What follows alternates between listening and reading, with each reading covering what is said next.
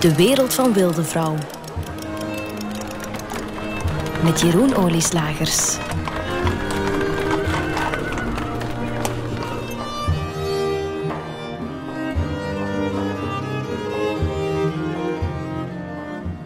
Dames en heren, ik heb u vorige keer achtergelaten bij de ommegang, bij de processie van de Onze Lieve Vrouw. De, het Mariabeeld dat werd beschimd. Willem van Oranje, die teruggeroepen wordt uh, naar Brussel, die aan het onderhandelen is met Margaretha van Parma. En dus de stad blijft ja, wat verweest achter. En wat gebeurt er nu? Wel, het gaat van kwaad naar erger. Want Zondag 18 augustus 1566 ging Maria door de straten. We zijn nu op dinsdag 20 augustus, twee dagen later. De processie zelf werd beschouwd door een heleboel mensen, waaronder natuurlijk de Calvinisten, als een provocatie. Eh, er werden boodschappen, vrome wensen werden uitgesproken. Die vrome wensen die begingen echt op iedereen zijn zenuwen te werken, vooral dus op de Calvinisten. En dat beeld is daar natuurlijk symbool van. Dat beeld dat door heel die stad wordt gedragen. En nu staat dat beeld onbeschermd op een centrale plek in die Onze Lieve Vrouwkerk. En er ontstaat zenuwachtigheid in die kerk. De paapse mensen, laten we zeggen de Rooms-Katholieken, die beginnen al te denken van oei, zouden ze niet beter al terug op een veilige plek zetten? Hm? En er zijn Calvinisten en die voelen van, ja, maar uh, wij willen niet dat ze verplaatst wordt. Want die zijn natuurlijk van alles met dat beeld van plan. En in de kronieken staat er ook, en dat vind ik ook een geweldige scène die ik gebruikt heb in Wilde Vrouw, maar dat, ik heb het uit de kronieken gehaald. Daar staat er dus een oud vrouwke kaarsen aan te steken en wat gebeden te prevelen. En rond die vrouw zijn er een hoop, uh, ja, soort van hooligans, uh, Calvinistische stoottroepen, zal ik maar zeggen. Jonge gasten die al waarschijnlijk al genoeg gezopen hebben. En die staan rond dat vrouwke en die zijn die, dat vrouwke aan het beledigen. Hey, die zeggen van, onnozel mens, waar hou jij mee bezig met, uh, met die verering van dat beeld? Hè? Maar die verering van dat beeld is iets dat al eeuwen meegaat in die stad. Hè? Dat is een, een deel van de werkelijkheid van die Antwerpenaren. En trouwens, van iedereen uh, in de lage landen. Hè? De, dat geloof, die projectie van devotie op een beeld is iets dat al eeuwen en eeuwen meegaat. En nu begint dat helemaal te kantelen. En dat komt helemaal uitgekristalliseerd dat oud vrouwke wordt uitgejouwd. En uiteraard zijn daar dan rond die uitjouwers ook weer een kring van mensen van zeg, laat dat mens berust. Bedoel, je krijgt dus een spanning. En er is iets aan het bewegen. En dat is hetgeen wat Beer ook ziet wanneer hij samen met Ortelius en een paar vrienden de kerk binnentreedt.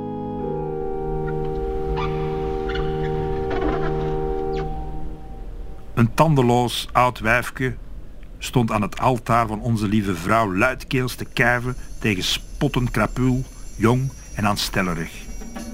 Maar toen bemerkte ik hoeveel mensen zich in alle hoeken en aan alle kanten hadden opgesteld. Gelijk jagers met hun kruisboog stonden ze in dit woud van steen met een blik gericht op een mogelijke prooi.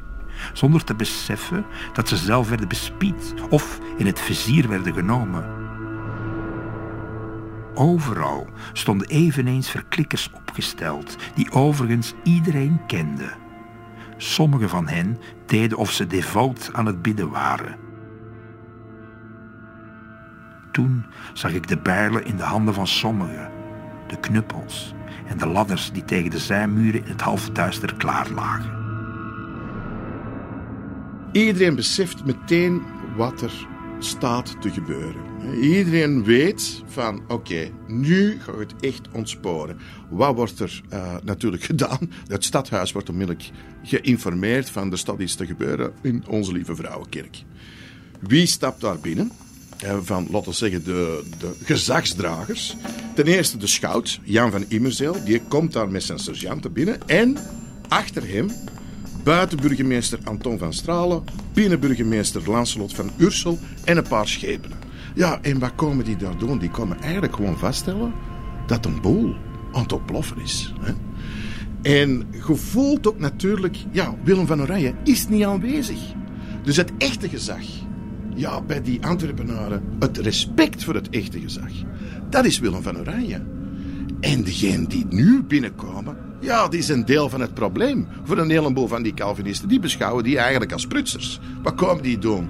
Die komen wat blazen. En die komen wat zeggen van, laat dat beeld met rust en dat soort toestanden. En je krijgt dat. Je krijgt die sfeer. En Beer zit daar natuurlijk naar te kijken. En op een bepaald moment, die schout, die, ja, die probeert dus zijn gezag uh, te laten gelden. En die zegt, iedereen de kerk uit. Hm? En die sergeanten stonden er natuurlijk bij. En er zijn er, de grote meerderheid van die mensen, verlaat die kerk. Waaronder Beer. We kwamen uit de kerk aan de kant van het kerkhof. Het begon te schemeren. Er stonden duizenden mensen buiten. Ze zongen psalmen. Sommigen van hen hadden toortsen bij zich. Anderen lieten hun haakbussen knallen. Ze stonden tot in het midden van het door bomen omzoomde kerkhof. De schout en zijn manschappen werden uitgelachen toen ook zij naar buiten kwamen met angst in hun ogen. En zodra achter hen de burgemeesters en de schepenen uit het Zuidportaal stapten, werd er nog meer verwenst en geroepen. Een paar van de bewapende sergeanten posteerden zich aan het portaal. Dus iedereen komt naar buiten, ook de schout en de notabelen, die komen allemaal naar buiten, maar er blijven mensen binnen. Er blijven mensen in die kerk. Niet, de, kerk wordt niet volledig ontruimd, tot de grote verbijstering natuurlijk ook van Beer en zijn vrienden. En wat doen die schout en die notabelen, wat doet je binnen- en die buitenburgemeester? Die gaan lopen. Die zitten het op een lopen. Er, zitten, er zijn een paar sergeanten die nog buiten staan, maar de meerderheid gaat naar het stadhuis. En de reden daarvoor is heel duidelijk, dames en heren.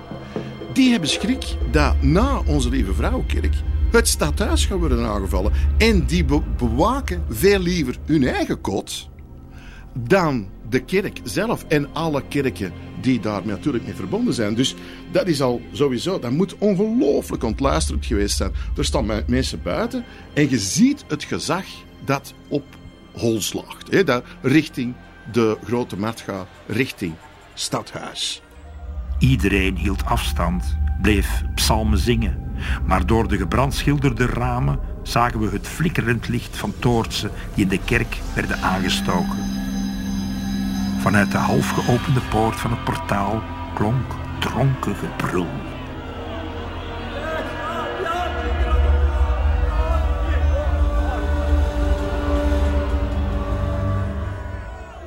Voor mij is dit echt een hallucinante scène. En het, het doet mij zelfs ook denken aan het vorige boek dat ik heb geschreven, Wil. Um, voor degenen die het uh, niet hebben gelezen. Um, het speelt zich af in de Tweede Wereldoorlog. Op een bepaald moment wordt in Antwerpen de synagoge bewaakt door politieagenten, zodat ze niet in brand worden gestoken. En op datzelfde moment zijn ze Joodse mensen uit hun huizen aan het halen. Hier is hetzelfde bezig. Hier is vergelijkbaar. Dus er staan sergeanten buiten aan die kathedraal. Die laten niemand niet meer binnen. Maar in de kathedraal zijn hooligans bezig. Dus de sergeanten houden bij wijze van spreken de mensen tegen die, ja, die beelden ter hulp willen stellen. Dat, dat gaat dus ook niet. Dus de Antwerpenaren, en sommigen vinden het fantastisch, anderen vinden het gruwelijk, zijn dus gedwongen om buiten toe te kijken hoe dat die kerk en de beelden daar worden toegetakeld. Het kabaal in de kerk werd groter. We hoorden gelach, gekraak en een luide slag. Af en toe bemerkten we het silhouet van een ladder Toen hoorden we ze de beelden kapot slaan. Er kwam rook uit de poort van het portaal. De sergeanten verroerden geen vin. Mensen rondom ons juichten en hervatten hun gezang, nog luider, uitgelaten alsof u, o God, eindelijk genoegdoening kreeg en bij elke slag of dreun een gouden kalf werd geslacht. De rookwalmen werden zwarter, de sergeanten hoesten en liepen weg. Door de geverfde ramen zagen we nog meer vlammen.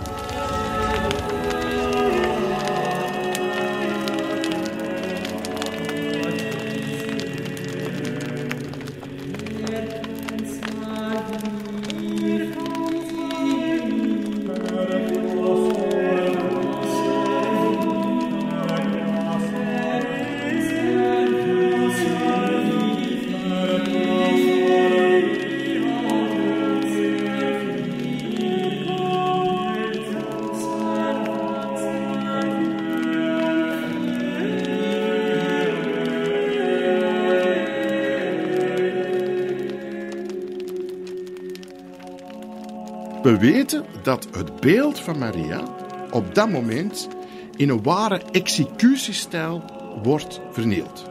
Wat dus wil zeggen, het beeld wordt onthoofd, vervolgens wordt haar rechterhand afgekapt en daarna haar linkerarm. En het lijkt wel of dat, dat beeld levend is. Het lijkt wel in de ogen van, ja, ik zal ze toch maar hooligans noemen, in de ogen van die Calvinistische jongeren die dat beeld aanvallen, die vallen een persoon aan.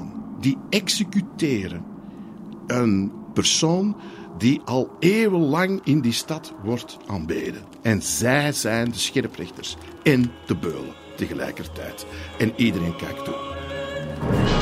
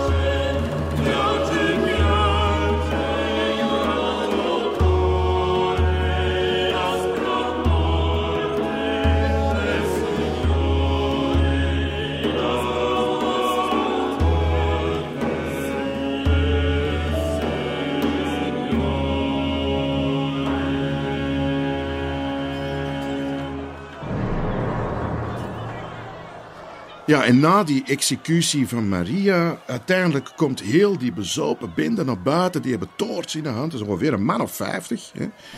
En, maar buiten staan er duizenden mensen. En die zijn aan het kijken hoe dat die kerels naar buiten komen.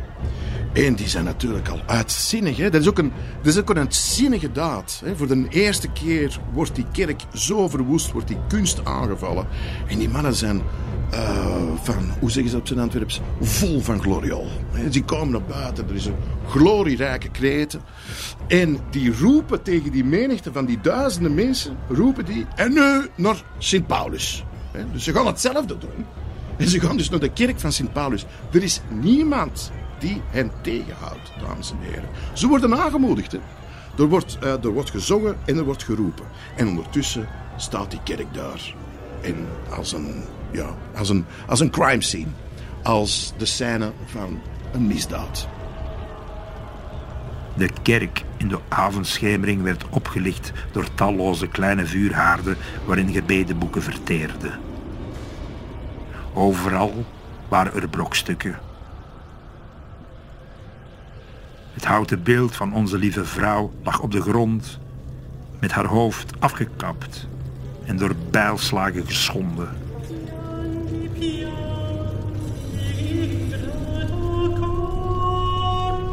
Met een uitzinnige woede waren de houten panelen van de schilderijen met dolken bewerkt. Ogen van heiligen waren weggekrast. Sommigen waren aan het geweld ontsnapt omdat ze te hoog gingen. De doopvond hadden ze met man en macht omvergeworpen en het altaar van het heilig sacrament in gruzelementen gekapt.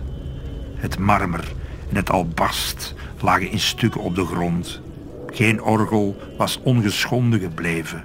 Werkelijk overal lagen ingedeukte pijpen ervan verspreid. En de paar kinderen die vol groot leid met ons mee waren binnengestapt, vochten onder elkander om er één te bemachtigen die mocht dienen als een zwaard of een lans tijdens hun spelletjes die de bloeddorst van ons allen nabootsten. Alles oogde alsof van onder de vloerstenen de demonen rechtstreeks uit de hel zelf waren gekropen en vermorzelde beelden en brandende boeken hadden achtergelaten. De omwonenden reikten leren emmers aan. We maakten een ketting om het uit de ruien opgeschepte smerig water over de haren uit te kappen.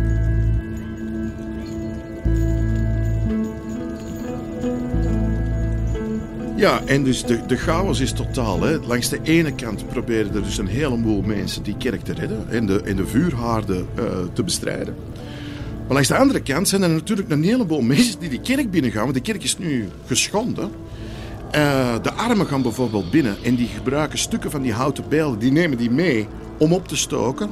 Uh, gewoon als brandhout te gebruiken. Wat, wat een fantastische ontluisterende scène is natuurlijk van die eeuwenoude beelden. Die uiteindelijk gewoon, bij wijze van spreken, in een kachel gaan eindigen. Er zijn er ook een heleboel die proberen te, te stelen wat er te stelen valt. Het zilver, het goud, uh, de kerkschat, zal ik maar zeggen. Echt, heel de, heel de scène is apocalyptisch. En, je moet dat voorstellen, dat als je dan daar staat, als, laten we zeggen, Rooms-Katholiek, en je ziet dat allemaal gebeuren. Je ziet het centrum van uw devotie zo onteerd, dan wordt het apocalyptisch, denk ik. Dan zie je gewoon, deze is een scène voor het laatste oordeel. We hebben God zo beledigd, nu is het afgelopen. Dat moet hebben ingeslagen als een bom.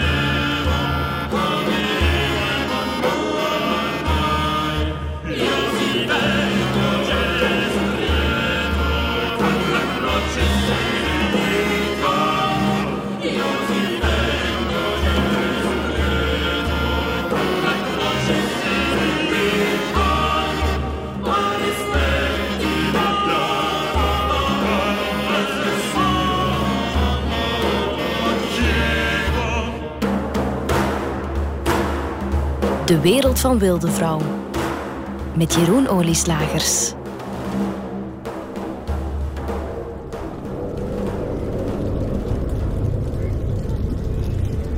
Terwijl dat de rook optrekt uit de Onze Lieve Vrouwkerk. En uh, ja, die 50 belhamels uh, vertrokken zijn naar Sint-Paulus. Begeleid door psalmzangers hè, die hen uh, volgen. Dat zijn honderden mensen die meevolgen. Uh, en toeschouwer zijn, maar tegelijkertijd natuurlijk ook participant.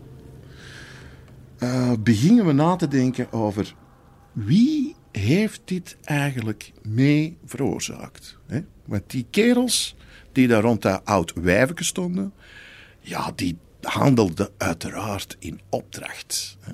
En wie zou een van die aanstokers kunnen zijn? Wel, daar is weer Herman Herman Modet, die we kennen in uh, een van de vorige afleveringen, die met luide stemmen uh, meedeed aan de Hagenpreken. Die de, de, een van de vurigste predikanten daar. Modet is eigenlijk van Zwolle. Doctoreert in Keulen, maar komt in Keulen in de problemen omdat hij als priester getrouwd is met een zekere Barbara. Ja, dat is natuurlijk uh, niet echt orthodox. Vanwege de reputatie van Herman Modet en vanwege zijn aanwezigheid is het natuurlijk logisch dat er meteen naar hem wordt gewezen. Dat was een van de meest luidste predikanten, dus ze denken, er wordt gezegd van, dan zal hij ook wel de leider zijn geweest van die aanval. Maar hij zelf zegt, niet waar. Op 20 augustus 1566 was ik aan het vergaderen en ik hoorde van die beeldenstorm. En ik ben gaan kijken en wat heb ik gedaan? Ik heb twee keer geprobeerd om mensen te kalmeren. Maar er is dan weer een ooggetuige die zegt: ja, maar nee, nee, nee, nee. Integendeel, hij heeft juist het tegenovergestelde gedaan.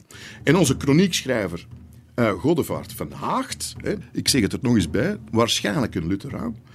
Uh, en dus geen Calvinist, dus iets behoudsgezinder, die noemt Modet uh, dokter Hermanus en schrijft dit over hem. De 20 augustus was er een grote menigte in de Lieve Vrouwenkerk vergaderd, wier bedoelingen wel te raden waren. Kort daarna is dokter Hermannus als de principaalste predikant met sommige van zijn adherenten in de kerk gekomen en is begonnen te roepen: Leven de geuzen! En daarna is hij ter kansel opgeklommen om te prediken en heeft de scharen met luider stem psalmen gezongen. Hermannus, in zijn sermoen voortgaande, heeft zeer veel gepredikt van de afgoderij, expresselijk gebiedende dat men alle beelden, figuren en sieraden van de kerk in stukken zou smijten, waarmee terstond een begin werd gemaakt. Alles wat in de kerk was, werd bedorven of gestolen. Niet alleen werden de beelden verbrijzeld, maar ook de heilige sacramenten werden schandelijk getrakteerd. Met de heilige olie besmeerde zijn schoenen en al het zilver werd gestolen. Hermannus zelf heeft genomen het heilig en hoogwaardig preputium dat meer dan honderd jaar in grote waarde was gehouden.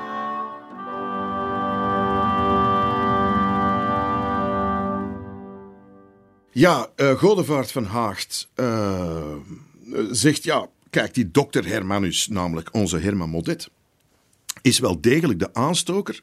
Waarom zegt hij dat? Omdat we ook weten dat de dag ervoor, nauwelijks een dag ervoor, hè, dus op maandag 19 augustus, zou Herman Modet uh, nogal stevig hebben gepreekt tegen die beelden. En in feite gewoon waarschijnlijk mensen hebben opgehitst om die beelden te vernietigen. Dat is één. Maar twee, hij blijkt dus ook een dief te zijn. En zijn buit is, uh, is toch bijzonder. Wat is dat preputium eigenlijk dat Modet zou hebben gestolen? Dames en heren, we hebben het over het belangrijkste reliquie in die kerk, namelijk de voorhuid van Christus. De voorhuid van Christus. Godfried van Bouillon heeft die voorhuid meegenomen uit Jeruzalem. En dat wordt dan Uiteraard, uh, er waren verschillende voorhuiden overigens. Uh, dames en heren, er waren verschillende kerken die beweren dat ze een voorhuid hadden. Maar Antwerpen was natuurlijk zeer blij dat ze die voorhuid hadden. En bovendien, rond die voorhuid was er een hele cultus, een besnijdenisstoet. Uh, met processie en zo verder enzovoort. Dat was niet meer zo'n stukje vel. Nee, nee, nee. Het was een heel belangrijk stuk van de devotie van de Antwerpenaar.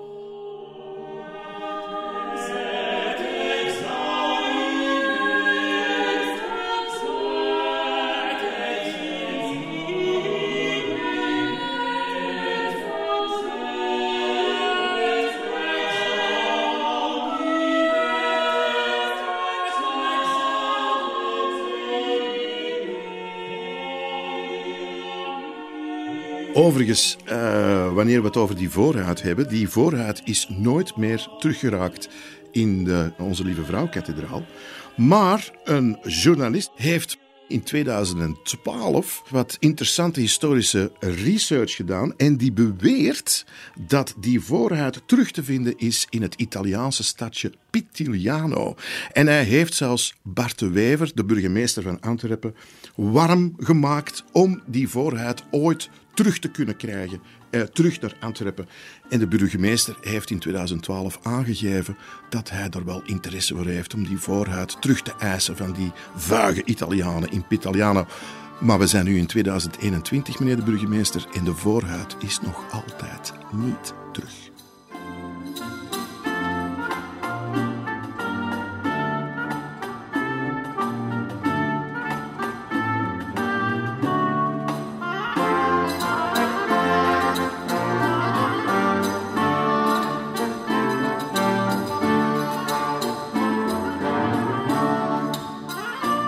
Was het ook Modet die de beeldenstormers aangespoord heeft om na de vernietiging van de Onze Lieve Vrouwkerk hun werk voor te zetten in de andere kerken en kloosters van de stad? Want dat gebeurde wel degelijk die nacht.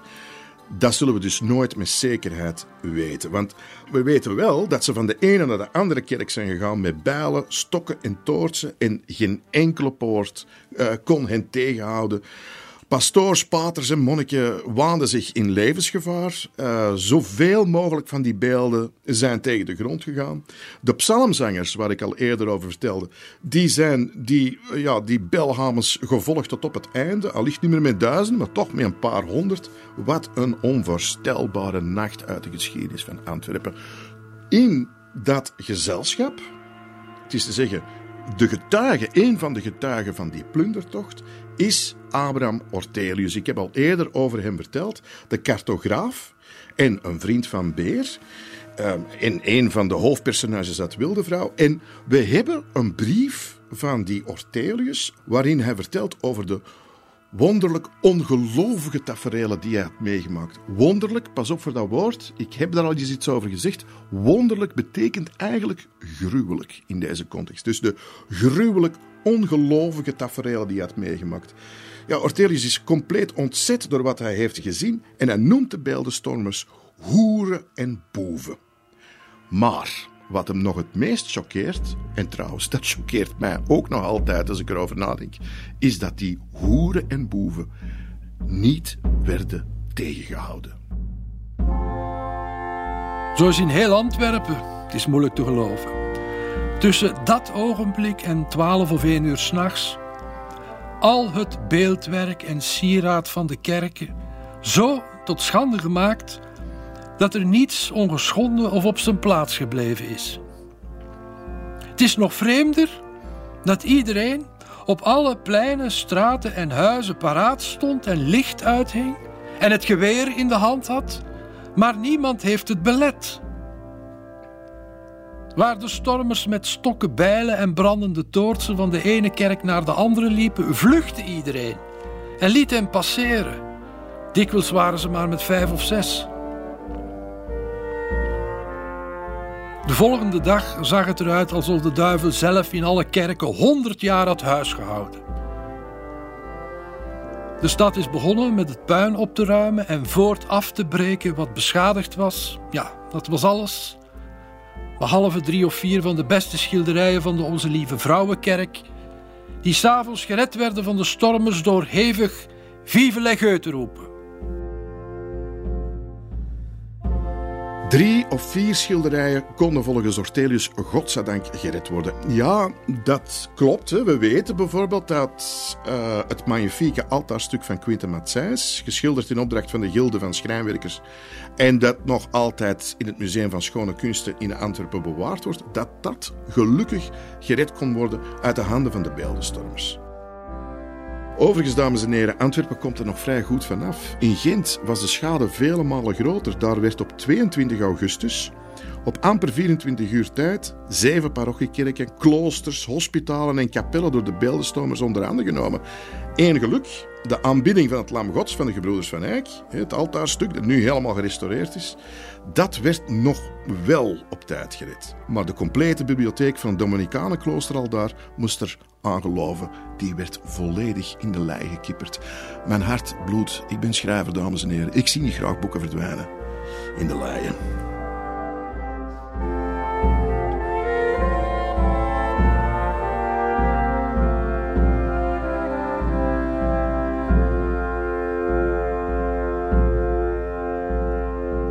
Pas op 23 augustus, dus drie dagen na de feiten, krijgt de magistraat moed. U moet weten, dames en heren, dat ging dus nog een tijdje door. Dat de grote vernielingen waren afgelopen, maar er werd nog altijd verschrikkelijk veel gezopen. Er was een soort van chaos in die straten, een spanning in de straten van Antwerpen. En uh, ja, pas drie dagen later besluit je magistraat: oké, nu is het goed geweest. Hè. We gaan een, een, een galg oprichten op de grote markt, uiteraard als een afschrikmiddel. En uiteindelijk worden er vier beeldenstormers opgeknopt.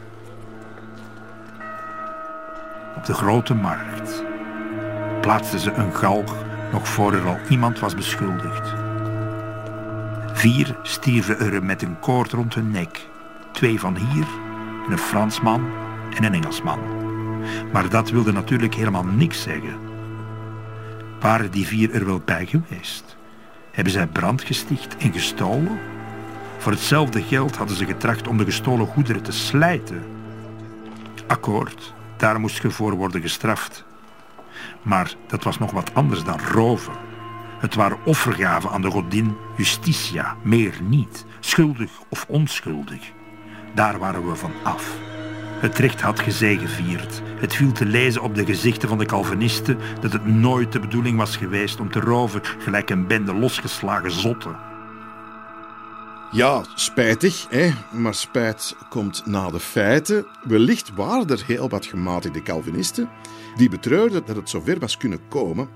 Geen aanhanger der nieuwe leer kon immers nu nog hopen dat de koning, want daar hebben we het nog niet over gehad, dat de koning tot vergevingsgezindheid of toegevelijkheid bereid zou zijn na al wat er nu gebeurd was.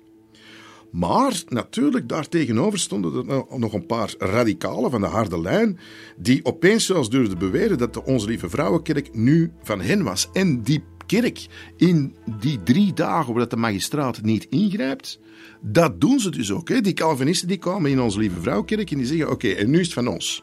En wat doen die? Die doen eigenlijk een soort van interieurrenovatie, uh, bij wijze van spreken. Ze strippen de kerk. Uh, ze proberen de kerk uh, ja, in een tempel te maken van de Calvinistische leer. Symbolisch is het allemaal heel belangrijk. Bij de Calvinisten staat het schrift centraal. En het verkondigen van het schrift, dus de Bijbel, gebeurt natuurlijk via de preekstoel. Dus een kerk wordt zeer sober, wordt een, vierkant, gericht op de woorden van God. En niet gericht op beelden gericht op de woorden van God. En dat is hetgeen wat ze met de Onze Lieve Vrouwenkerk proberen te doen tijdens die paar dagen dat ze het kunnen doen. Want het feest voor de Calvinisten is op dat vlak voorbij, op 26 augustus. Want wie keert er terug? Daar is Willem van Oranje.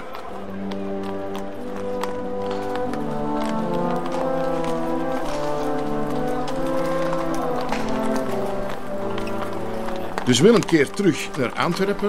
Uh, en uh, het eerste wat hij doet, is het geweld scherp veroordelen. Hij is niet de enige die dat doet.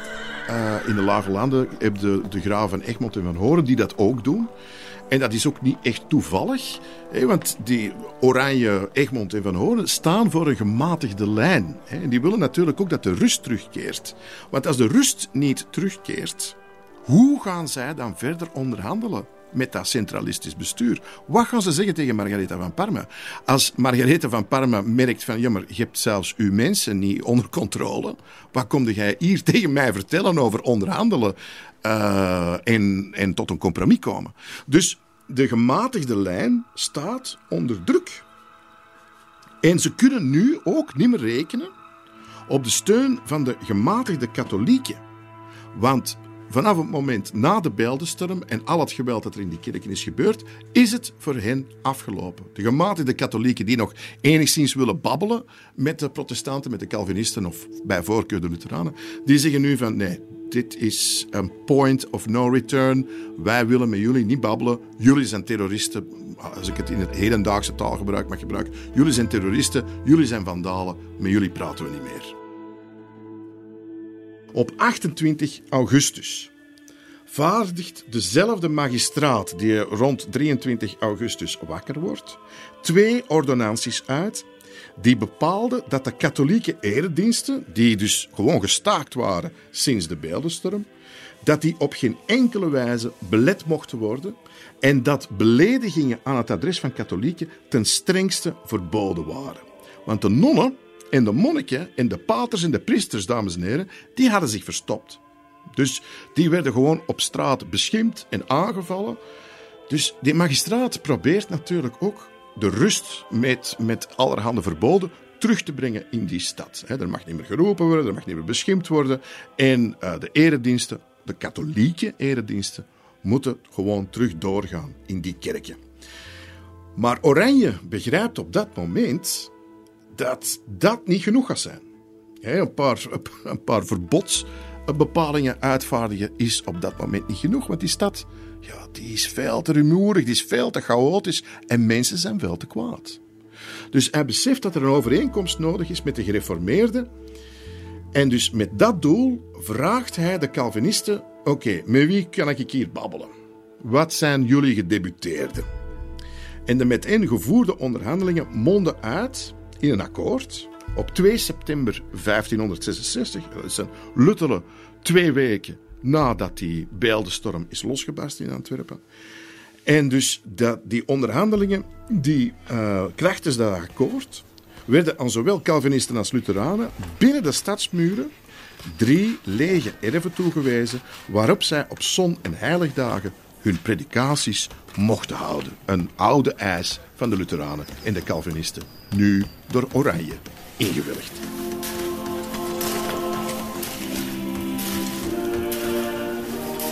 De Calvinisten mochten zelf iets bouwen als ze dat wilden en ze trokken naar het Hopland, waar ze aan hun eigen tempel begonnen.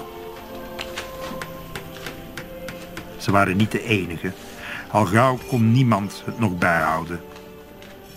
De Lutheranen huurden een schuur vlakbij de Sint-Michielsabdij.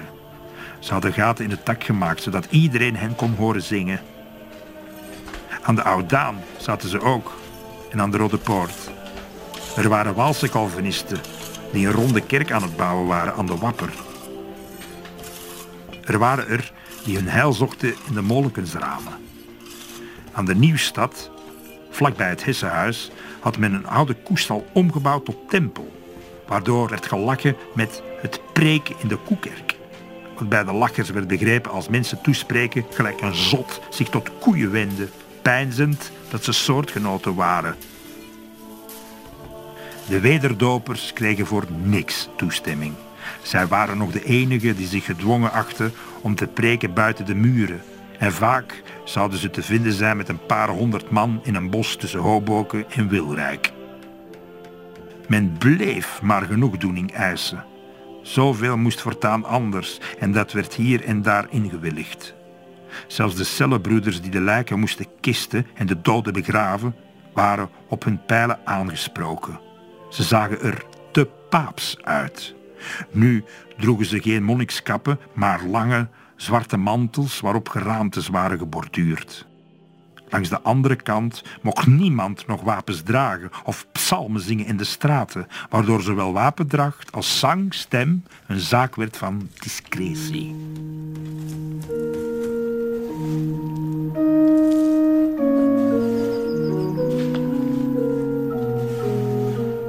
Ja, discretie. Beer, mijn hoofdpersonage, begint erover. Discretie was natuurlijk heel belangrijk op dit moment in de geschiedenis van Antwerpen. Ten meer omdat dat bewuste akkoord van 2 september tussen Oranje, de Calvinisten en de Lutheranen eigenlijk maar voorlopig is. Het contract wordt gesloten totdat de koning, de Spaanse koning, met advies van de Staten-Generaal er anders over zou beschikken. Dus we hebben een soort van interim tussenakkoord om de gemoederen te bedaren. Maar het akkoord wordt namens de magistraat wel ondertekend door een griffier. Maar, en dat vind ik ook zo grappig. Um, vanaf het moment dat dat akkoord er komt, zeggen die wethouders: ja, we hebben er eigenlijk niet zoveel mee te maken. Het is oranje. Oranje heeft de eindverantwoordelijkheid. Kun je je voorstellen wat dat al doet bij Oranje? Dus Oranje probeert te onderhandelen. Die denkt van, ja, ik moet hier de boel toch zien op te lossen. Ik moet mijn eigen kunnen verantwoorden tegenover Margaretha van Parma. Ik moet ervoor zorgen dat die stad rustig blijft.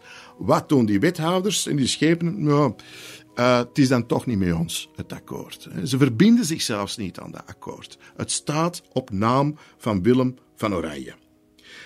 Maar de Calvinisten en de Lutheranen, die denken van, ja, maar deze is toch een uniek experiment. Want nu eindelijk kunnen we onze eigen tempels gebruiken. Want voor de eerste maal in de Antwerpse geschiedenis wordt de Calvinistische en de Lutheraanse religie door de stedelijke overheid erkend. Ook al is het voorlopig, maar het wordt wel erkend. En ze kunnen zich dus openbaar organiseren. Ja, dames en heren, Luther sprak zijn eerste woorden van rebellie uit in het begin van de 16e eeuw. We zijn nu 50 jaar later ongeveer. Hè? En eindelijk kunnen die Calvinisten en die Lutheranen hun godsdienst in alle openheid beleiden. Dat was een van hun grote doelen uh, van heel die opstand. En dus natuurlijk is dat voor hen een goede zaak. Maar is het voor iedereen een goede zaak? Dat is het interessante, want die stad moet natuurlijk in zijn geheel bekijken. En als er een paar mensen te slecht gezind blijven over zo'n akkoord, dan blijven de problemen uiteraard komen. Krijgt Oranje hier iedereen mee gekalmeerd. En is, was het wel zo verstandig trouwens om die gereformeerden, om die Lutheranen en die Calvinisten zoveel vrijheid te geven? Want vanaf het moment, dames en heren, dat je vrijheid toekent aan zo'n groep van mensen, enthousiaste, zeer idealisten, ja, die vrijheid, die gaan ze niet meer terug afgeven. Vanaf het moment dat ze het hebben, die geven ze nooit meer terug. En dat is ook hetgeen wat dat Beer denkt.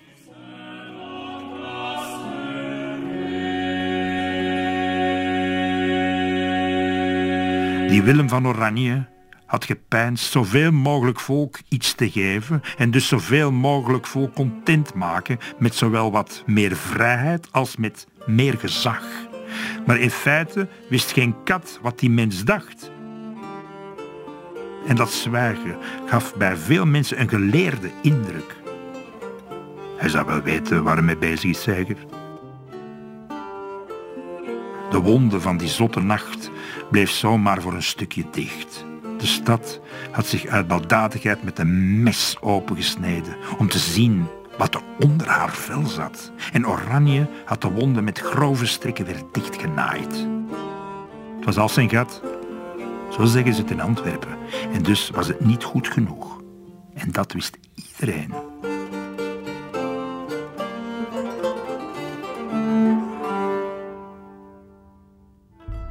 In oktober 1566 staat de stad weer op stelten. Dus een paar maanden na die beeldenstorm en na het akkoord met de Calvinisten en de Lutheranen staat die stad weer op stelten. En waarom? Herinner u dat ik vertelde dat het stadsbestuur zich niet al te veilig voelde tijdens die beeldenstorm en zich terugtrok om het stadhuis te bewaken. Het stadhuis is overigens nooit aangevallen geweest tijdens die beeldenstorm. De beeldenstormers hebben zich gericht op kerken. Maar dat stadsbestuur dat voelt zich natuurlijk niet veilig. En ze nemen 1600 uh, stadsknechten, soldaten in feite, aan. En die moeten natuurlijk worden betaald. En dus er moeten extra taxen komen. En mensen voelen zich natuurlijk, uh, zijn, een hoop mensen voelen zich geschandaliseerd door het feit dat ze dus nu moeten betalen, zodanig dat het stadsbestuur zich veilig voelt. En alles heeft ook te maken met Oranje. Want als Oranje in de stad blijft, dan heerst er een relatieve rust. Als die grote diplomaat in die stad blijft, dan voelt iedereen zich enigszins veilig, zowel de Lutheranen, de Calvinisten als de papen. Maar die gaat daar niet eeuwig blijven. En dat weten zij ook. Iedereen in de stad weet dat. En af en toe vertrekt hij eens uit de stad en neemt de zenuwachtigheid toe. En bovendien, en dat mogen we toch niet vergeten, hij, zijn broer Lodewijk is een Calvinist. Dus dat aan de andere, laten we zeggen, wat meer radicalere kant. Dus mensen vragen zich af, wat is die relatie tussen Willem van Oranje en zijn Calvinistische broer? Wordt hij daardoor beïnvloed of niet. Zolang dat de prins van Oranje blijft in Antwerpen, is er geen probleem. Als hij vertrekt, dan zal het stadsbestuur ongetwijfeld ook zich zorgen beginnen maken. Vandaar natuurlijk ook die extra gewapende mankracht op onze kosten, zoals Beer het zegt. Al dat geld om die papen te kunnen bewaken, riepen de Calvinisten in de straten en op de pleinen. Diefstal is het. Die stadsknechten bewaken ons allemaal, riepen de paapsgezinden en steeds vaker ook de Lutheranen terug, want die hadden nu echt hun buik vol van die heethoofdige Calvinisten. Op dat moment ook hebben die Lutheranen beginnen echt eh, problemen te krijgen met de Calvinisten. De Calvinisten zijn zeegedronken. Ze uh, hebben nu hun eigen tempels. En zo. Maar die Calvinisten willen altijd maar meer en meer. En de sfeer is niet al te best in die stad. Vooral natuurlijk ook omdat die Calvinisten, ja, die hebben vooral de armen en de bedelaars op hun hand. En die blijven maar roepen, vive les gueux, vive les gueux, de levende geuzen. Dus de Lutheranen maken zich zorgen over de Calvinisten. Iedereen maakt zich eigenlijk zorgen over de Calvinisten. De Calvinisten zelf zijn ook ongerust. Er, er ontstaat een, ja, een besef dat hun zaak verloren is indien ze niets ondernemen. Dus er wordt weer een grootscheeps offensief gewaagd in Antwerpen. Op 1 oktober houden ze in Gent, want het is natuurlijk over heel de lage landen, maar in Gent houden ze al in grote geheimhouding een synode om die zaak te bespreken. Wat gaan we nu doen? We hebben die vrijheid, maar die vrijheid is onduidelijk. Vergeet niet dat het akkoord dat is gesloten tijdelijk is en de synode wordt bijgewoond door 15 à 16 predikanten en 8 à 9 andere vertegenwoordigers van andere steden, waaronder Antwerpen. Wat daar nu precies werd besproken, dat is tot op de dag van vandaag onduidelijk. Volgens sommigen werd er het plan opgevat om een soort pogrom tegen de katholieke geestelijken te organiseren. Volgens anderen zou het dan meer over een algemene opstand uh, gaan, wat daar werd besproken die dag in Gent op 1 oktober. In elk geval, er staat iets te gebeuren. Een grote slag. En met die grote slag hopen de Calvinisten natuurlijk uh, definitief hun aanwezigheid in al die verschillende steden, waaronder Antwerpen, te bestendigen. Er is nog geen actie, maar de plannen beginnen dus uit te lekken en de katholieken geraken in paniek. Op 6 oktober schrijft de Spaanse geestelijke Pedro del Castillo vanuit Antwerpen het volgende. Niemand doet op het ogenblik te Antwerpen nog zaken. Elk ogenblik vreest men de plundering van de stad. Alles gaat op de vlucht, vooral de geestelijkheid, omdat men het blijkbaar in de eerste plaats op haar heeft gemunt. De protestanten bazuinen thans meer dan ooit uit dat het hun spijt dat zij bij de beeldenstorm niet de levende beelden hebben vernield. Dat is hier een algemeen volksgezegde. Levende beelden. Het is duidelijk dat men het nu op mensen heeft gemunt. Een andere getuige schrijft dat hij een nieuwe revolutie ducht die vreder zal zijn dan de eerste, want er wordt gedreigd om alle geestelijke en katholieken af te slachten. En ook Margaretha van Parma trekt aan de alarmbel. Ze stuurt een brief naar haar broer de koning, waarin ze haar vrees uitdrukt voor de verschrikkelijke dingen die misschien te gebeuren staan. En de man die het voortouw zou kunnen nemen in die verschrikkelijke dingen, is natuurlijk de grote geus Hendrik van Brederode. Veel actie heeft hij tot nu toe niet ondernomen. We hebben hem achtergelaten in de vorige aflevering dat hem een grote populistische speech gaf, zich vervolgens heeft teruggetrokken. Maar nu zou wel eens zijn moment kunnen zijn. Hij staat militair zwak. Dus hij begint uh, geld in te zamelen om een eigen huurlingenleger op te richten. En hij zoekt steun vooral in het noorden. Maar hij vindt nog niet zoveel bijstand. Hij droomt van een leger dat Antwerpen moet bevrijden, zoals hij het nog enigszins diplomatisch omschrijft. Uh, hij heeft het natuurlijk niet over plundering en over slagpartijen. Hij wil Antwerpen bevrijden met zijn eigen huurlingenleger hè, van geuzen en Calvinisten. Waar zit Willem van Oranje ondertussen? Wel, net op het moment dat Antwerpen weer op barsten staat, uh, ergens uh, in het, de eerste helft van oktober, heeft hij de stad verlaten. Op 12 oktober was hij naar Breda getrokken en van daaruit verder naar Holland om daar dan weer de gemoederen te gaan bedaren. Want natuurlijk, de chaos is natuurlijk niet enkel in Antwerpen, maar over heel de lage landen. Antwerpen had hij, zo meende hij toch, in goede orde achtergelaten. Met die deal die hij heeft gemaakt met de Calvinisten en met de Lutheranen. Tegelijkertijd zou je natuurlijk kunnen denken: gaat hij niet weg omdat de grond te heet wordt onder zijn voeten? Wist hij wat er te gebeuren stond, bijvoorbeeld via zijn broer Lodewijk, de Calvinist, of meende hij werkelijk dat het in Antwerpen allemaal wel zou loslopen? Niemand weet het. Wat hij wel doet, net voor zo'n vertrek, is een nieuwe gouverneur aanstellen voor de stad. En dat is Antoon van Lalaing, de graaf van Hoogstraat, die deze twijfelachtige eer te beurt gevallen is. Een vergiftigd geschenk, uiteraard, want vijf dagen later wordt je gouverneur al op de proef gesteld. We zijn nu op 17 oktober 1566. En het doelwit is opnieuw die veelgeplaagde Onze Lieve Vrouwenkerk, waar dus na het korte uh, bewind van de Calvinisten, enkele dagen, worden daar terug Roomse diensten opgevoerd. En dus is het weer het aandachtpunt voor de Calvinisten. En een menigte verzamelt zich opnieuw rond de kerk. En het is weer duidelijk, net zoals die eerste beeldenstorm, dat de tweede beeldenstorm hetzelfde doel voor ogen heeft. De deuren van de kerk zijn gesloten, maar ze eisen, de oproerkraaiers, eisen luidkeels de toegang. Ze willen dus opnieuw die kerk vernielen. Een herhaling van het scenario. Maar nu is de situatie anders. Want in augustus hadden de ordehandhavers zich nog laten intimideren door die woeste bende beeldenbestormers. En eigenlijk dus, zoals ik al eerder vertelde, laten betijen. Maar die nieuwe gouverneur, de graaf van Hoogstraten, die is niet van plan om met zich te laten sollen. Hij komt meteen in actie. Met een hoop gewapende mannen komt hij toegesneld en hij slaagt erin om de menigte te verjagen.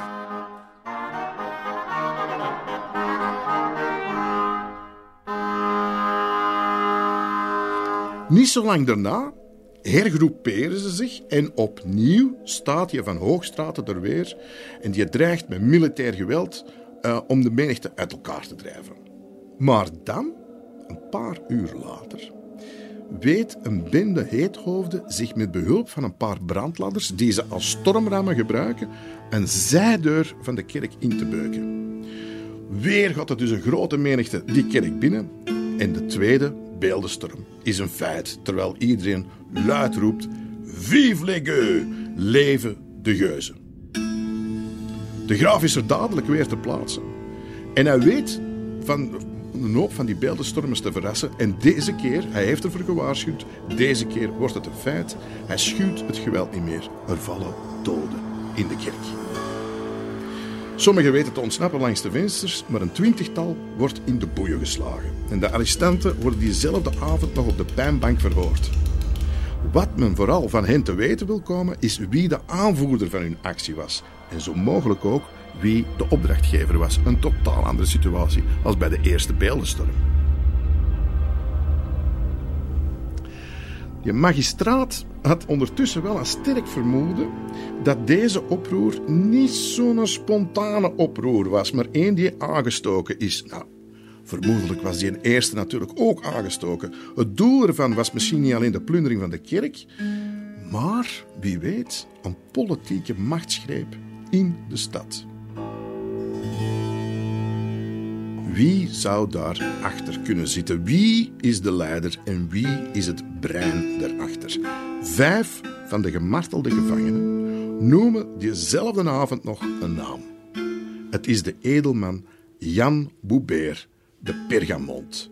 Hij was hun leider. Hij was volgens hen mee aanwezig in de kerk, maar wist te ontsnappen. Boubert de Pergamont. Wie was die Boubert de nu weer? Wel, hij was een bastaard. Zijn vader zit in het Hof van Oranje. Hij is de zoon van dus een, een, een dignitaris uit dat Hof van Oranje. En dat is iemand die ja, een plaats probeert te zoeken in de geschiedenis. Hij wordt dus uit zijn bed gehaald en hij wordt uh, niet gebracht naar het steen, waar die gevangenen meestal werden gebracht om te worden gemarteld. Nee, Boubert de Pergamont wordt rechtstreeks naar het stadhuis gebracht. En het is weer onze Godevaart van Haagt, onze kroniekschrijver, die Bergamont uh, beschrijft in zijn kronieken. En deze Bergamont was een groot dronkaard en hoereerder, hebbende nogthans nog een echte Spaanse vrouw en er werd in de nacht van zijn bedden gevangen gehaald, want de andere gevangenen bedrogen. En in het vangen was één dood gebleven. En ook sommige knechten met worpen gekwetst. En het volk riep nog van verre: Gij, papenknechten, nou blijkt dat ge papenknechten zijt. Een dronkaard en een hoereerder en getrouwd met een Spaanse vrouw. Ik beschrijf hem als iemand die zijn, ja, als een bastaard, die zijn positie probeert te vinden in die stad. Het is een, die positie is waarschijnlijk, daar zijn we niet echt zeker van, maar waarschijnlijk heeft die positie veel te maken met de ware opdrachtgever.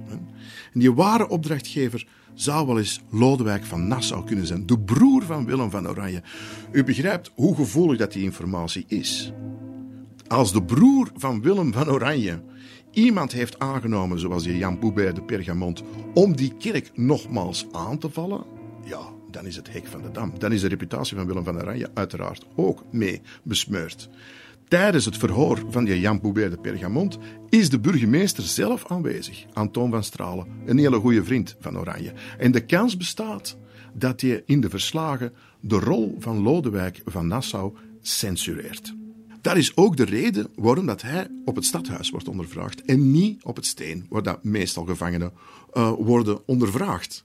In elk geval staat vast dat er niets in het procesverbaal werd opgenomen wat naar de eigenlijke mannen op de achtergrond verwees. Dus het lijkt wel alsof Boubert de Pergamont het allemaal op zijn eigen houtje heeft gedaan, als we dat procesverbaal mogen uh, geloven.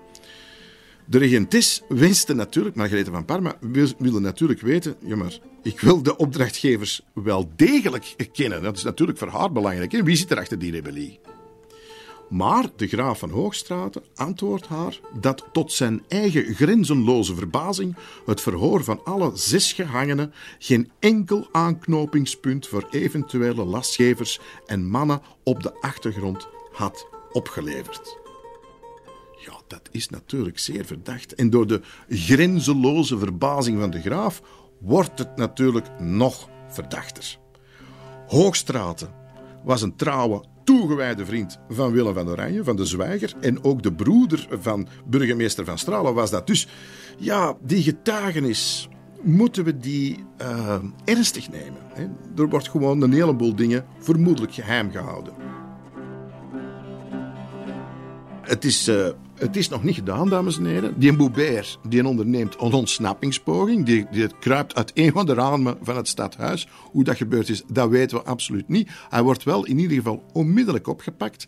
En nog iets, hij wordt de volgende dag terechtgesteld. Ja, dat is natuurlijk ook. Hij weet waarschijnlijk gewoon veel te veel. En hij moet die wetenschap, die kennis natuurlijk bekopen met de dood, zodanig dat de ware opdrachtgevers in de coulissen blijven.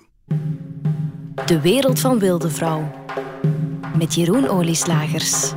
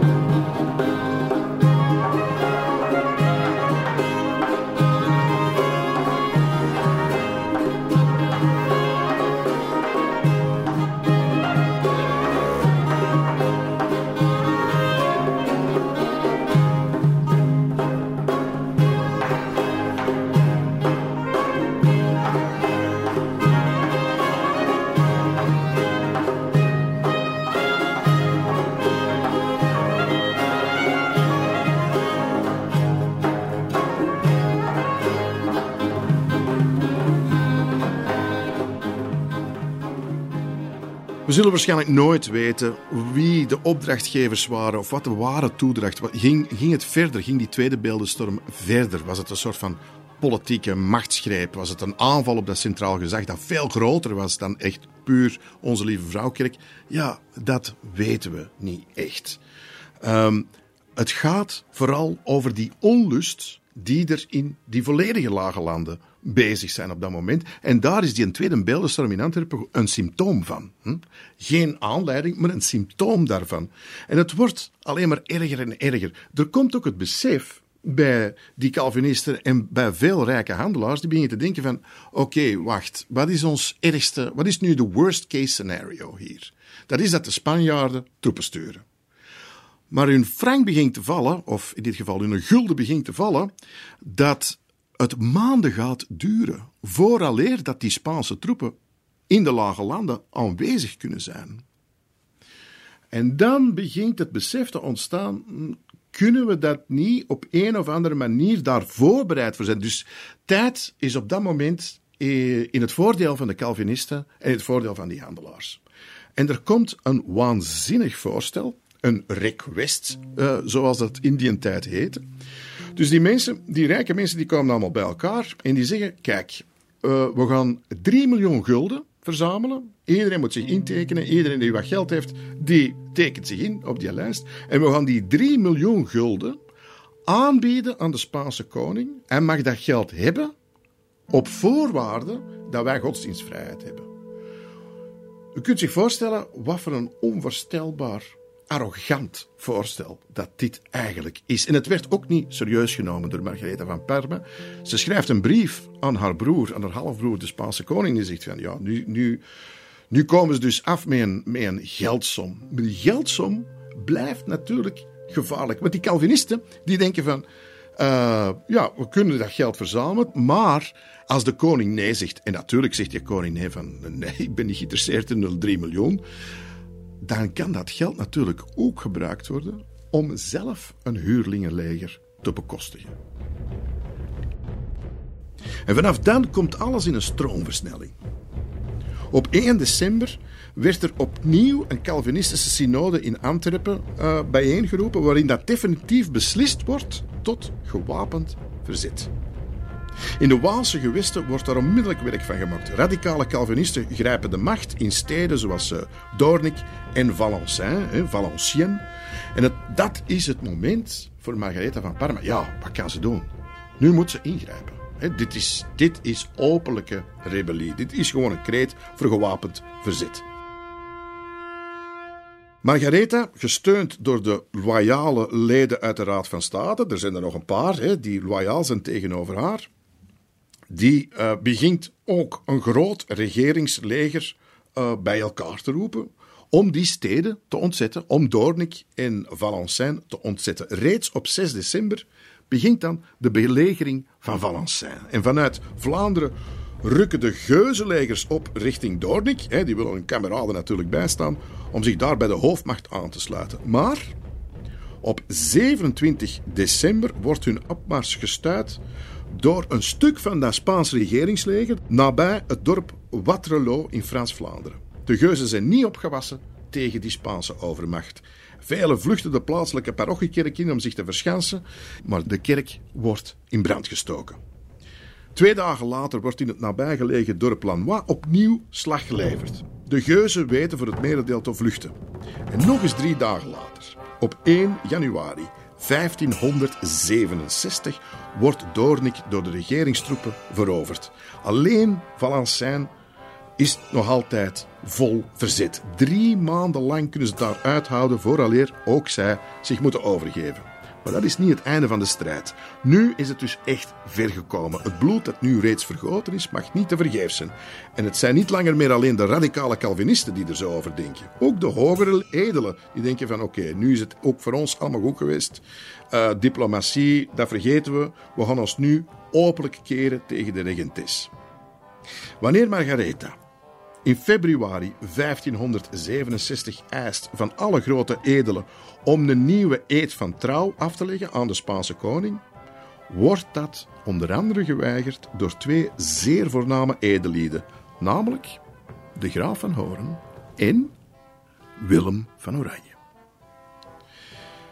En dat is een belangrijk moment in het leven van Willem van Oranje. Herinner u dat hij heel de tijd geprobeerd heeft om met diplomatische middelen de rumoerige lage landen door heel deze godsdienststrijd te loodsen. Dit verzet tegen de Spaanse koning. Hij heeft van alles en nog wat geprobeerd. En nu bekent de grote diplomaat kleur. Dat wil niet zeggen dat ze zich achter het gewapend verzet scharen, maar hè, Margaretha van Parma vraagt uh, om een eed van trouw af te leggen aan de Spaanse koning, een nieuwe eed van trouw. En graaf van Hoorn en Willem van Oranje zeggen van kijk, uh, we gaan dat niet doen, tenzij dat er iets tegenover staat. Schenk ons godsdienstvrijheid en dan kun je onze loyaliteit krijgen. Wie zweert er wel trouw aan de koning?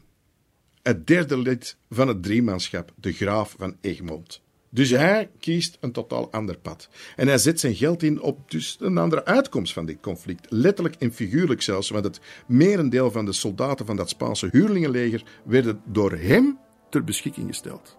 Dus je ziet de verscheuring ook bij die hoge edelen. Egmond kiest de kant van Margaretha van Parma en hij zorgt mee dat de Spaanse regeringsleger op de poten terechtkomt. En graaf van Horen en Willem van Oranje staan aan de andere kant.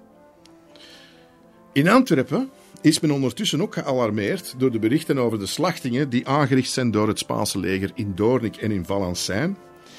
En wat gebeurt er? Ja, wat het uh, te voorspellen was. De Calvinistische handelaars die tasten diep in hun buidel en die richten een leger op.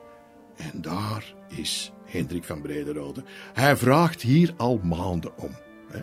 Hij vraagt al maanden om, een, om geld om een leger op te richten. En nu is het moment. Herinner u, het begint in Antwerpen in een, vanuit een herbergraam waar hij de revolutie en de vrijheid predikt, in feite. En dat waren loze woorden op dat moment. Maar nu worden ze in zijn ogen werkelijkheid. Met dat leger dat verzameld wordt voor hem.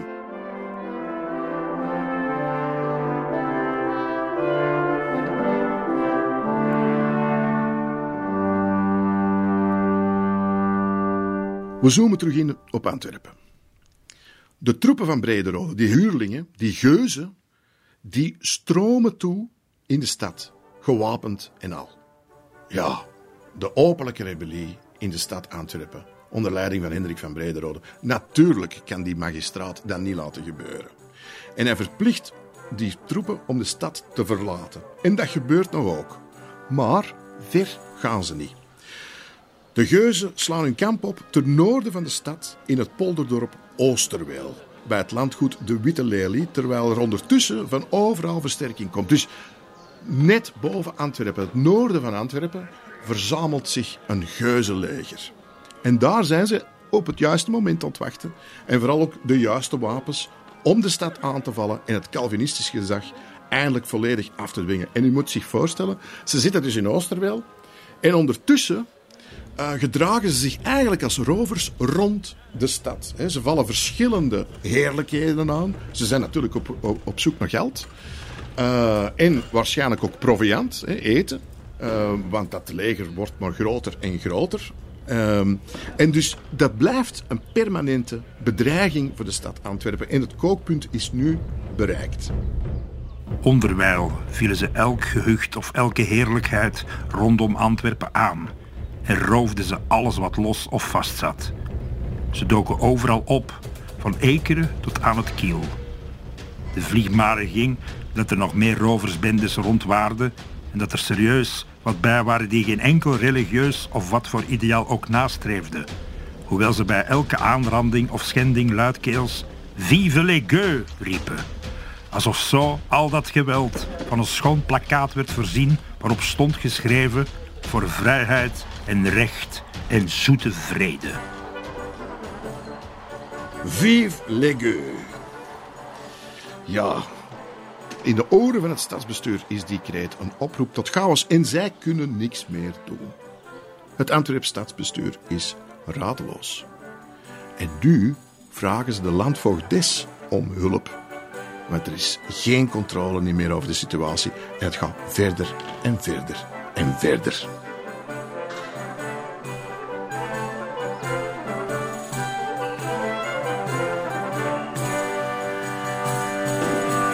Het is 13 maart 1567.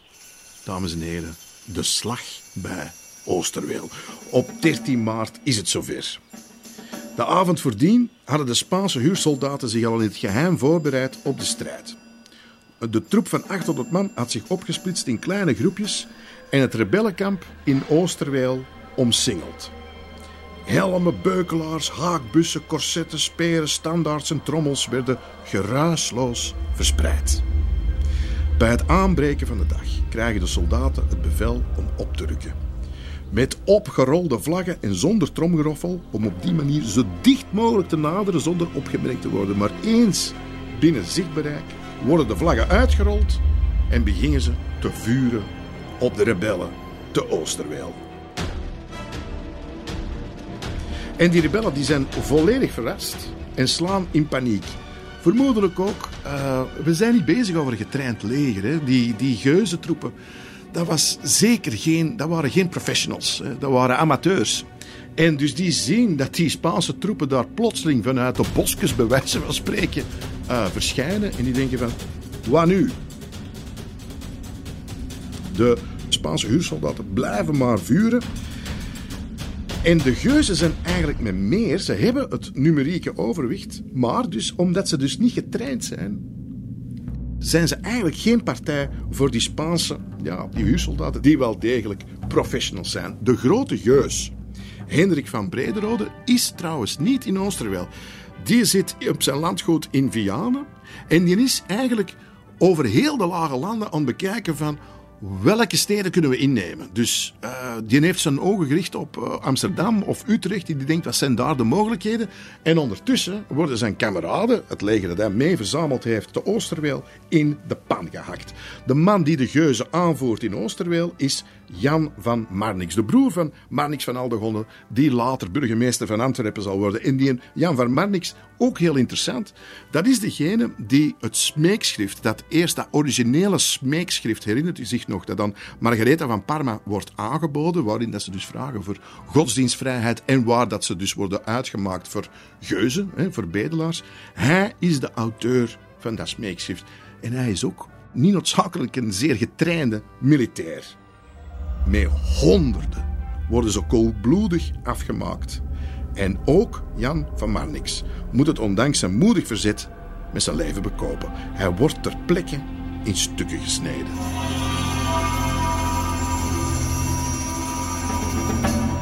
Dat speelt zich allemaal af in het noorden van Antwerpen. En de Witte Lelie, waar dat die rebellen zich hebben verzameld, dat wordt in brand gestoken. Dus vanuit de stad kan men dus zien, Oosterwel staat in brand. En de Calvinisten, ja, die worden natuurlijk extreem nerveus, want die horen en die zien uh, dat hun kameraden te Oosterweel worden afgeslacht. De geuzen worden afgeslacht. Dus die zeggen, wij moeten onze broeders redden. Wie houdt dat tegen? Willem van Oranje. Ja, dames en heren, Willem van Oranje is teruggekeerd naar Antwerpen om dat radeloze stadsbestuur uh, uh, bij te staan. En die sluit de poorten van de stad. Dus de Calvinisten kunnen niet weg en die zijn uiteraard razend. Ja, waarom sluiten die poorten? Ja, heel simpel. Oranje ziet ook dat het gewoon helemaal uit de hand gaat lopen. En voor hetzelfde geld mocht hij die poorten hebben opengehouden. En mochten die Calvinisten, wat ook geen getrainde militairen zijn, laat ons eerlijk zijn, naar Oosterweel snellen, dan zouden zij ook in de pan worden gehakt door die Spaanse regeringstroepen. Dat is natuurlijk de bedenking die Oranje maakt. En voor je het weet, hebben die Spaanse huurlingen de smaak te pakken en vallen ze vervolgens Antwerpen aan. Dat is natuurlijk de bedenking die Oranje maakt. Dat kunnen we niet doen. We moeten die poorten gesloten houden. En dat probeert hij natuurlijk ook uit te leggen aan de Calvinisten die razend kwaad zijn. Um, er is natuurlijk nog een andere uh, lezing, dat hebben we altijd bij Oranje. Er is een andere lezing, en dat zullen de Calvinisten natuurlijk ook zeggen. Ja, maar zie je wel, hij is uiteindelijk, als het erop aankomt, als het echt het moment er is, dan trekt hem zijn kak in. Dan is hem eigenlijk een loyalist. Dan staat hem nog altijd aan de kant van Philips II. U begrijpt de verbijstering in die stad Antwerpen. En dan komen we op een moment dan, dames en heren, dat wij ongelooflijk veel plezier doen om het te vertellen. Een van de belangrijkste momenten, denk ik, in de geschiedenis van de stad Antwerpen. Wat gebeurt er in die stad zelf? En een dag die, ja, volledig vergeten is. Niemand weet nog buiten een paar historici uiteraard. Niemand weet wat er die dag gebeurd is. En het is... Uh, ja, het was mij een waar genoegen om die dag in Wilde Vrouw te beschrijven. Ik ben namelijk een van de eerste na de chroniekschrijvers die daarover schrijft, over die dag.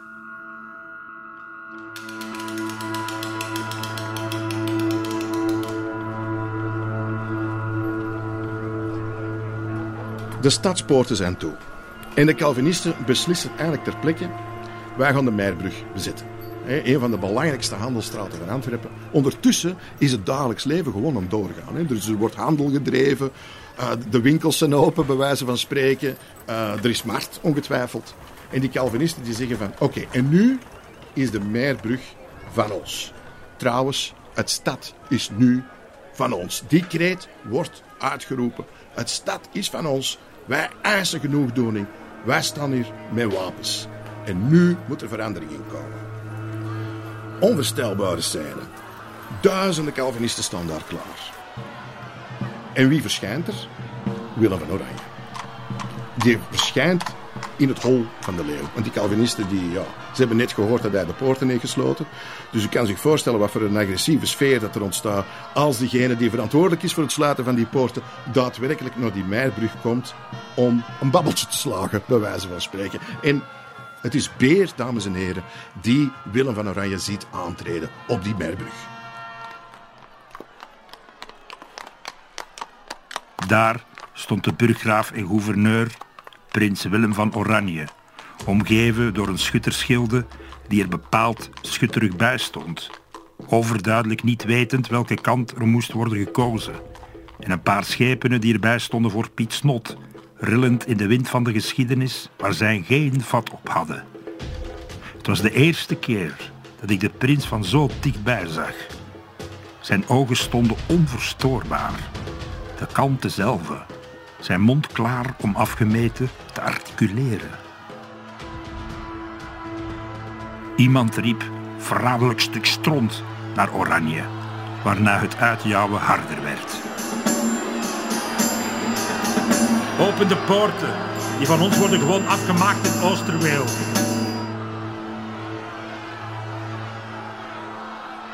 Een zeer hachelijke situatie voor Willem van Oranje. Hij staat er tegenover die gewapende menigte, ook al had hij maanden geleden de wapendracht in zijn stad strikt verboden. Hij staat er om de gemoederen te, te bedaren. En wat moet hij in godsnaam tegen die opgedraaide menigte zeggen, hè, bewapende menigte? Ja, ten eerste vertelt hij dat hulp toch niet meer kan baten, want uh, hij zegt ja, uh, uw broeders zijn afgeslacht in Oosterweel. Ze zijn dood. Hè. Die opstand is mislukt. De regeringstroepen zitten daar, in Oosterweel. Dus het heeft nu geen zin meer om de, om de stad te verlaten en om de mensen, uw broeders, bij te staan in Oosterweel. Ze zijn dood. En je zult ook slecht eindigen, mocht dat doen. Dus de stad moet op dit moment, zegt hij tegen iedereen, de stad moet beschermd worden. Als ik de poorten openzet, dan komen die Spaanse regeringstroepen natuurlijk ook. Dat is het risico dat we allemaal lopen. Hè. Misschien zijn ze zeegedronken. En denken ze, ja, als we Oosterweel kunnen veroveren, dan gaan we die stad Antwerpen er ineens bij nemen. Dat probeert hij dus duidelijk te maken. Maar hij vraagt ook, en dat vind ik zo'n fantastisch ding. Ondertussen zit dus iedereen te roepen van die Calvinisten: de stad is van ons, de stad is van ons. Willem van Oranje zegt: wat wilt je verder van mij? We gaan niet onderhandelen over die gesloten stadspoorten. Maar wat wilde nog. En die Calvinisten zeggen zo'n beetje zeegedronken van ja, als die stadspoorten gesloten blijven, wij willen zware wapens. Waarop dat Willem van Oranje, tot verbijstering ongetwijfeld van die Calvinisten, zegt: Ja, uh, je weet het wapenmagazijn zijn. Uh, gaat u uh, wapens dan maar halen? En dat wordt op ongeloof onthaald van: Wat zegt hij nu? Mogen wij ons nog meer bewapenen? Die, die, ze zijn dronken van geluk, die Calvinisten denken van: Oké, als we naar de wapenmagazijn mogen gaan en die kanonnen mogen gaan halen, ja, dan is de stad zeker van ons. De kanonnen werden onder luid gejuich naar buiten gerold. Er volgde een stoet van grof geschut richting Meierbrug. Velen richtten hun zinkroer op de hemel en vuurden kogels af. De lucht rook naar kruid. Vrouwen hingen uit de ramen en juichten mee.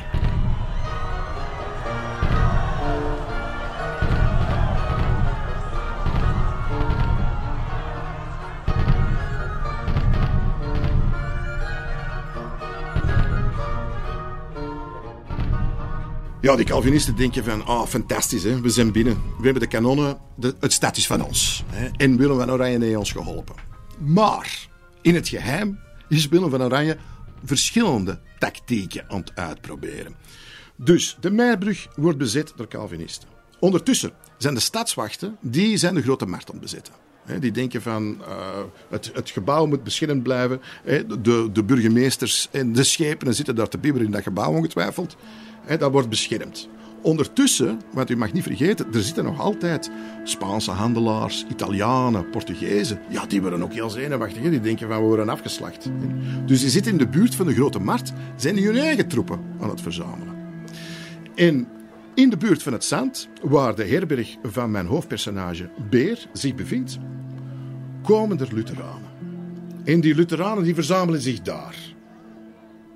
Dus nu moet u zich voorstellen, dames en heren, alles bij elkaar spreken we over 10.000 mensen die bewapend zijn in die stad van 100.000 man. Kan u zich voorstellen? Antwerpen vandaag is pakweg 500.000 mensen. Stel u voor dat de stad wordt bezet door verschillende groepen die elkaar naar de keel willen staan, gewapend 50.000 man. Stel u zich voor dat die stad wordt bezet op verschillende plekken door mensen die het niet met elkaar eens zijn. Want die Lutheranen die willen niet dat de Calvinisten natuurlijk die stad overnemen. En dus de papen, de katholieken, die scharen zich mee aan die Lutheranen. En daar duikt Oranje op. En Oranje uh, bespeelt heel de situatie. Dus nu is iedereen bewapend. Op één dag tijd. Hoe geraakt deze situatie opgelost? Herinner u? De Calvinisten hebben de Meierbrug verzameld. Die Lutheranen, even bewapend als die Calvinisten, maar zoals u weet, de Calvinisten hebben de kanonnen. De Lutheranen gaan naar die Calvinisten en die zeggen van oké, prima, gaan het de Meierbrug bezet. Goed. Wat dat wij gaan doen is het volgende. Wij gaan alle straten bezetten rond de Meierbrug. Dus jullie kunt de Meierbrug hebben. Wij maken een bredere kring rond alle bezet gebied. En dan vragen wij ons af, hoe lang gaan we dit volhouden? Hoe lang we die Meierbrug uh, bezet houden? Want wij zijn ook bewapend. Hè? Ja, we staan op de rand van een burgeroorlog hè? binnen die stad. En die Calvinisten die beginnen na te denken. En uiteindelijk beseffen die, ja, nog eens, we zijn niet bezig over getrainde soldaten. Hè? We zijn bezig over gewone burgers met wapens. Tegenover andere burgers met wapens. Hè? Antwerpenaren onder elkaar, die elkaar dreigen naar het leven te staan. Dus die Calvinisten beseffen dat die godsdienstvrijheid dat het in feite een bekrachtiging is van het voorlopige akkoord dat Willem van Oranje maanden eerder met hen had afgesloten. En ze leggen de wapens neer.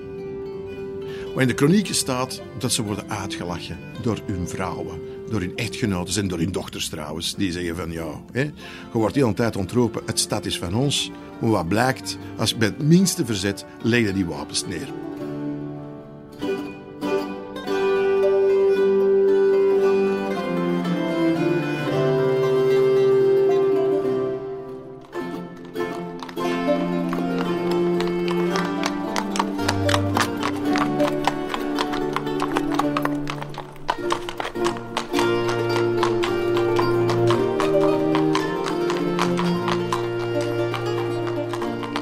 Maand na de Meierbrug verlaat Oranje de stad samen met zijn Duitse vrouw en al zijn vrienden.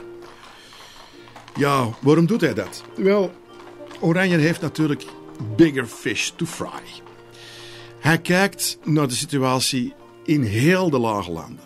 Het gaat niet enkel over Antwerpen, hoezeer dat hij ook heeft geprobeerd om de situatie daar enigszins op te lossen. Heel de lage landen staan in vuur en vlam. En hij beseft ook dat als de grote troepen komen vanuit Spanje, dat hij ongetwijfeld al op de zwarte lijst staat. Hij is gewoon verbrand. Hij is verbrand in de ogen van Philips II en Margaretha van Parma. Dus hij trekt zich terug naar Duitsland, waar zijn vrouw van komt. En ongetwijfeld is dat een tactiek om hè, even terug te trekken, om daarna veel heftiger aan te vallen. Zodra dat Oranje weg is, well, laten we zeggen ongeveer twee weken later, wie treedt daar aan? Met veel klaroenstoten en getrommel, de regentes Margaretha van Parma. Ze heeft de hele tijd in Brussel gezeten. Ze heeft Antwerpen tijdens al die rumoerige toestanden, chaos, bijlenstorm, uh, noem maar op, heeft ze Antwerpen niet bezocht. Maar nu dat Oranje overduidelijk kleur heeft bekend en in Duitsland zit, beseft zij van en nu zal ik mijn gezag afdwingen in die rebelse stad. En ze logeert in de Sint-Michielsabdij. Wat ik altijd heel grappig vind, omdat de Sint-Michielsabdij had in de stad uh, de reputatie van eigenlijk bijna een half bordeel te zijn en een herberg. Een heel chique, chique abdij, hè, dat nu uh, de Kloosterstraat in Antwerpen nog altijd naar vernoemd is. Daar bevond zich die Sint-Michielsabdij. En dat is ook de plek waar voorname mensen, zoals natuurlijk Margaretha van Parma, hoogwaardigheidsbekleders, het liefst werden ontvangen. En ze installeert zich daar en ze laat meteen weten dat er een paar dingen gaan veranderen. Een van die dingen, en dat is natuurlijk een pijnlijk moment voor die Antwerpenaren, zij zegt van, uh, ja, ik ga een uh, citadel laten bouwen. Dat is nu het huidige Antwerpen-Zuid. Ze laat daar uh, een citadel bouwen, zogezegd om de stad te verdedigen, maar natuurlijk zijn de kanonnen van dat citadel ook gericht op het hart van Antwerpen. Op de rebellen zelf, of de mogelijke rebellen zelf. Het was voor onze eigen veiligheid, uiteraard. Maar de kanonnen zouden natuurlijk ook gericht worden op het hart van ieder van ons, op onze dubbelzinnigheid of ons slecht geweten, op onze koppigheid of slecht karakter, op onze diepe verdeeldheid. Dat Spanjaardenkasteel, want zo werd het onmiddellijk genoemd, ging ons dus waarschijnlijk meer kosten dan heel die bouw van de stadsomwalling van een generatie geleden. We waren met z'n allen niet braaf geweest en we zouden daarvoor worden gestraft. Eindelijk rust, zo zongen de papen in de kerken. Maar wat heet de rust? Eindelijk rust, ja, dat zongen die papen. Maar was die rust werkelijk zo? Nee, uiteraard niet. Het ergste moest nog komen. 5 juli 1567. Een periode van grote droogte en hitte.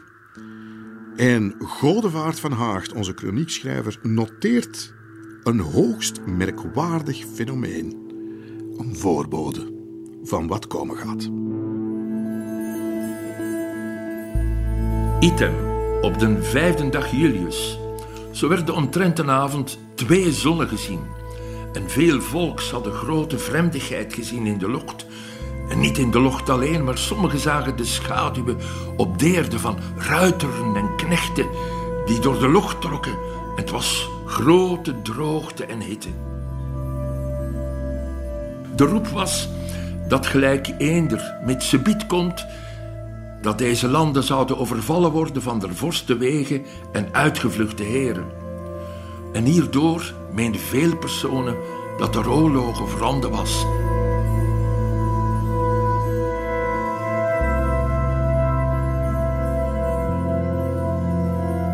...22 augustus 1567. Hertog van Alva arriveert in Brussel. Ja, de regeringstroepen vanuit Spanje zijn nu gearriveerd. Onder leiding van die uh, roemruchten of beruchte hertog van Alva. Want na de oorlog met de Turken, want Philips II is niet enkel bezig met de lage landen, hij heeft last met de Turken en heeft moeten vechten tegen die Turken. En die oorlog is nu eigenlijk afgelopen. En nu ziet hem de kans om in de Nederlanden orde op zaken te stellen. En hij stuurt Alva. En Alva was al hele tijd vragende partij om dat te doen. Hij is een vleesgeworden folterinstrument. Deze stad mag bloed verwachten. Er zal grof en onbesuist worden gehakt. Iedereen zal zich mogen afvragen of hij geen gevaar loopt. Gelijk een wraakengel zal hij verschijnen. Hij zal zich de allure aanmeten van een Michael, die met een zwaard in de hand en vleugels op zijn rug het verderf bestrijdt. Zodra Alva arriveert in de Lage Landen, gaat hij ermee een vliegende vaart door. Hij richt een raad van beroerten op, waardoor dat hij een heleboel mensen kan oppakken. Uh, er worden duizenden mensen verhoord en gemarteld. Uiteindelijk worden er duizend mensen uiteindelijk terechtgesteld. Het gaat maar verder en verder. Er is een complete paniek. Er zijn veel mensen die Antwerpen verlaten, die vluchten naar Duitsland, Engeland of naar het hoge noorden, naar Amsterdam. Hij is zo heftig, hij is zo heftig bezig op een paar weken tijd dat Margaretha van Parma beslist van oké, daar wil ik niks mee te maken hebben. Herinner u, zij is eigenlijk een diplomate en dit drieste optreden is voor haar een maat te veel en ze trekt zich, ze trekt zich terug naar Italië en hertog van Alva wordt de landvoogd van de Lage Landen. Uh, bij degene die vluchten zit bijvoorbeeld ook de buitenburgemeester van Antwerpen, Antoon van Straal. Die wil naar Duitsland gaan, dat is een goede maat Willem van Oranje, maar die wordt tussen Lier en Antwerpen opgepakt en uiteindelijk geëxecuteerd. Willem van Oranje wordt bij verstek ter dood veroordeeld en ze ontvoeren zijn zoon.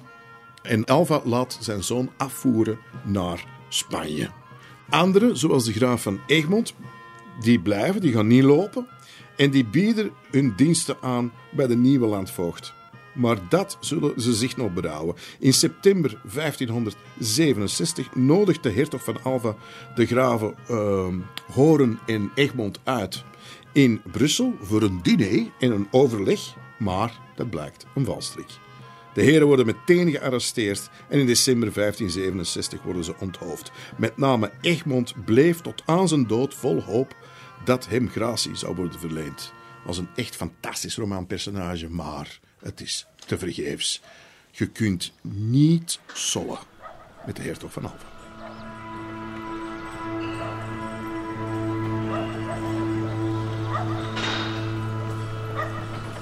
Na het regime van de hertog van Alva loopt de stad leeg. De gouden eeuw van Antwerpen, dames en heren, is daarbij geëindigd.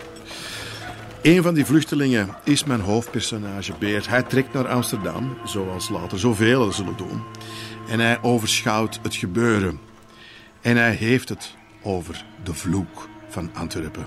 De vloek van de eenheid die uiteindelijk de vrijheid heeft gebaard.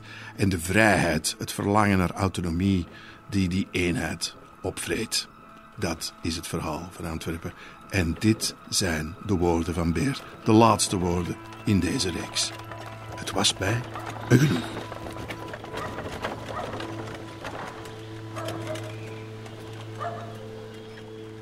De vloek was mijn verlangen naar eenheid.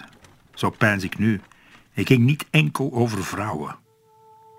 Elk verlangen is telkens weer een daad van overmoed.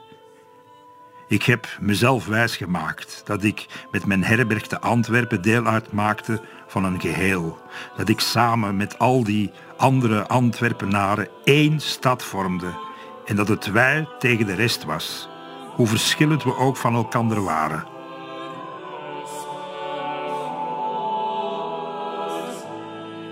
Ik meende over een overtreffende kracht te beschikken, die ik met elke Antwerpenaar deelde.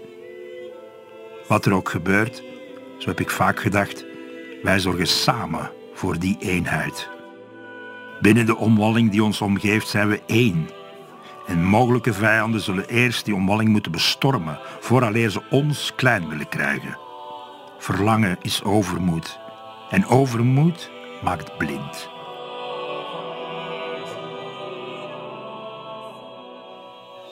Door mijn pijn en het traag slijten ervan ben ik beginnen beseffen dat het nooit zo is geweest. Het is waar dat de Antwerpenaren zich tijdens die jaren vaak hulpeloos hebben gevoeld. Ik heb moeten meemaken hoe een strenge winter de stad teisterde en hoe het bestuur achterloos faalde in plaats van het volk te beschermen. Maar de onvrede ging veel dieper dan een gevoel van machteloosheid. We hebben onszelf laten verdelen. We hebben onze mogelijke eenheid verloochend. Wij zijn elkanders vijand gebleken, elkanders verrader achter de omwalling. Antwerpen is nu bezet door Spaanse troepen die eerst onder leiding van die smerige hertog van Alva mijn voormalige stad zijn binnengetrokken en daar zijn gebleven. Ook nadat die smeerlap zelf is vertrokken. Ze hebben daar op zo'n gruwelijke manier huisgehouden dat de stad op een bepaald moment een ware hel moet zijn geweest met zatte huurlingen als demonen. Al tien jaar lang doen ze met die stad wat hun belieft. Maar zij waren het niet die de Scheldestad op de knieën hebben gekregen. Het waren de Antwerpenaren zelf. Wij zijn blind gebleken. Dat was onze vloek.